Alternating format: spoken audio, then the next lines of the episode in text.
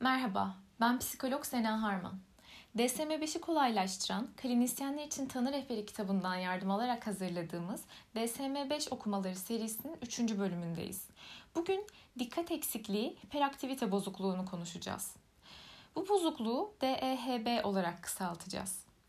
Dikkat eksikliği, aşırı hareketlilik bozukluğu 1902'de ilk tanımlandığından beri bir dizi isim değişikliği geçirmiştir. Çocuklukta en yaygın görülen davranış bozukluğu olmasına rağmen DEHB semptomlarının yetişkin hayatında da sürdüğünü sadece son zamanlarda en fazla 20-25 yıldır farkına varabildik. Bu bozukluğun tanısı her ne kadar 9 yaşından önce verilmese de semptomlar tipik olarak çocuk okula başlamadan önce ortaya çıkar. Ebeveynler bazen DEHB olan çocuklarının diğer çocuklara göre daha fazla ağladıklarını, daha huzursuz ve sinirli olduklarını ve daha az uyuduklarını belirtmişlerdir. Hatta bazı anneler bu çocukların doğumdan önce karınlarında daha fazla tekme attıklarını bile söylemiştir. Gelişimsel yapı taşları daha erken gelişebilir. Bu çocukların yürümeden önce koştukları söylenmektedir. Motorik olarak güdülenmiş olan bu çocuklar bir yerde sessizce oturmakla ilgili zorluk yaşarlar. Aynı zamanda sakar olabilir ve koordinasyon ile ilgili problemler yaşayabilirler.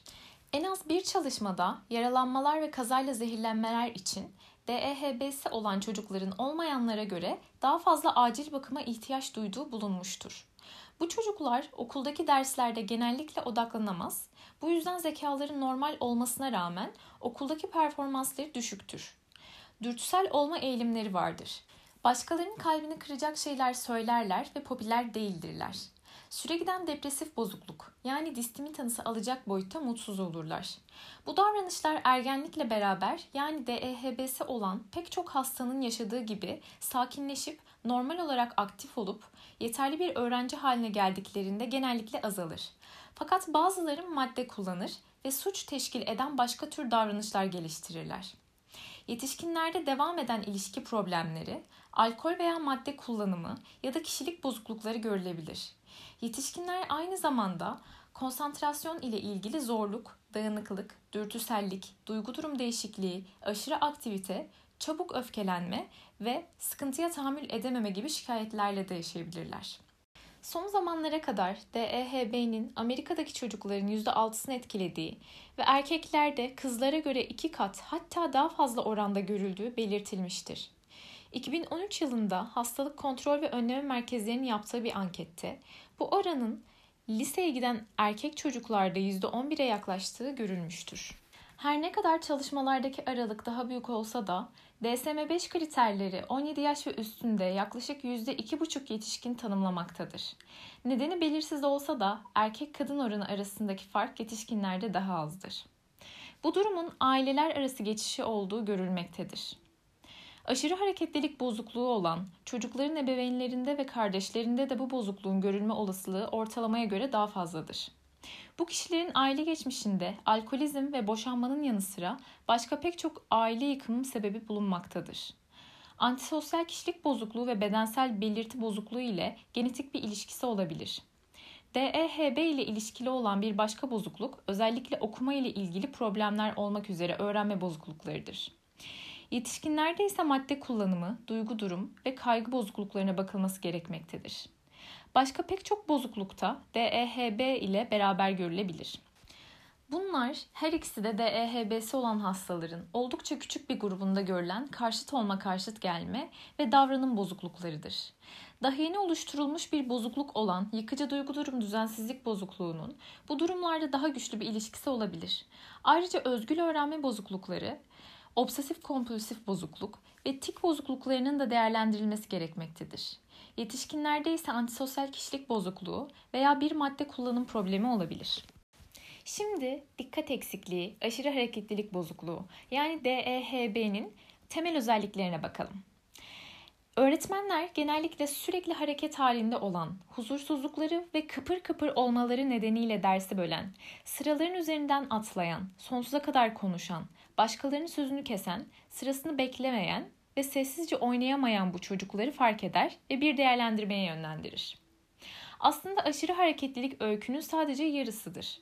Bu çocuklar aynı zamanda dikkat etmek ve o an uğraştıkları iş veya oyun üzerindeki dikkatlerini sürdürmek ile ilgili zorluklar yaşarlar. Zaten dikkati dağınık olan bu çocuklar ayrıntılara önem vermezler ve dikkatsizce hatalar yaparlar.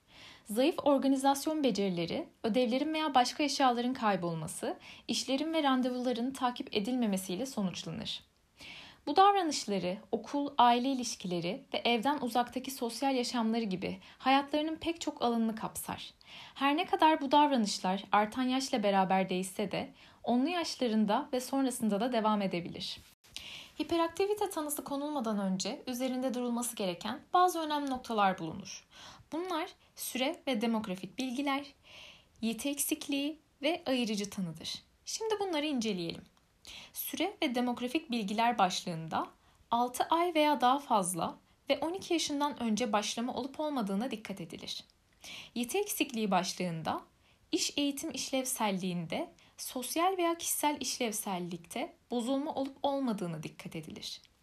Ayırıcı tanı başlığında ise entelektüel yeti eksikliği, kaygı ve duygu durum bozuklukları, otizm açılım kapsamındaki bozukluk, özgül öğrenme bozuklukları, yıkıcı duygu durum düzensizlik bozukluğu, psikotik bozukluklar veya diğer ruhsal bozukluklar ve kişilik bozuklukları olup olmadığına dikkat edilir.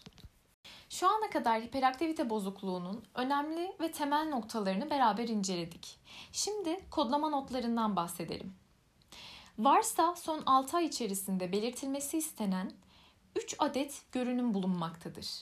Birincisi dikkat eksikliğinin baskın olduğu görünümdür. Burada aşırı hareketlilik ve dürtüsellik kriterleri değil de dikkat kriterleri karşılanmaktadır. İkincisi aşırı hareketliliğin, dürtüselliğin baskın olduğu görünümdür. Burada ise durum tam tersidir. Üçüncüsü ise birleşik görünümdür. Burada iki kriter grubu da karşılanmaktadır. Hiperaktivite bozukluğunda bireyde varsa belirtilmesi istenen ayrı bir başlık bulunmaktadır. Bu ise tam olmayan yatışma gösterendir. Bu durum devam ettiğinde kriterlerin tümünü karşılayacak boyutta yeterli semptom olmaz fakat işlevsellikte bozulmaların devam ettiği ile alakalı bir başlıktır. Şimdi ağırlık derecelerini inceleyelim. 3 adet ağırlık derecesi bulunur. Ağır olmayan, orta derecede ve ağır. Ağır olmayan derecede nispeten daha az semptom bulunmaktadır. Orta derecede orta düzeyde semptom bulunmaktadır. Ağır derecede ise tanı için gerekenden daha fazla semptom bulunmaktadır. Kitapta DEHB ile ilgili üzerinde durulan bir nottan bahsedelim. DEHB muhtemelen yetişkinlerde tanımlanmamıştır. Bazı yazarlar DEHB geçerliliği konusunda kuşkularının olduğunu açıklamalarına karşın bu yaş grubunda da geçerli olduğu ile ilgili kanıtlar artmaktadır. Ancak onların kriter belirteçleri doğru bir şekilde özenle oluşturulmalıdır. Hiperaktivite bozukluğunun son başlıkları tanımlanmış diğer dikkat eksikliği ve tanımlanmamış dikkat eksikliğidir. Kitapta tanımlanmış diğer DEHB'yi veya tanımlanmamış DEHB'yi temel semptomları DEHB kriterlerini tam olarak karşılamayan hastalar için kullanılması gerektiğinden bahseder.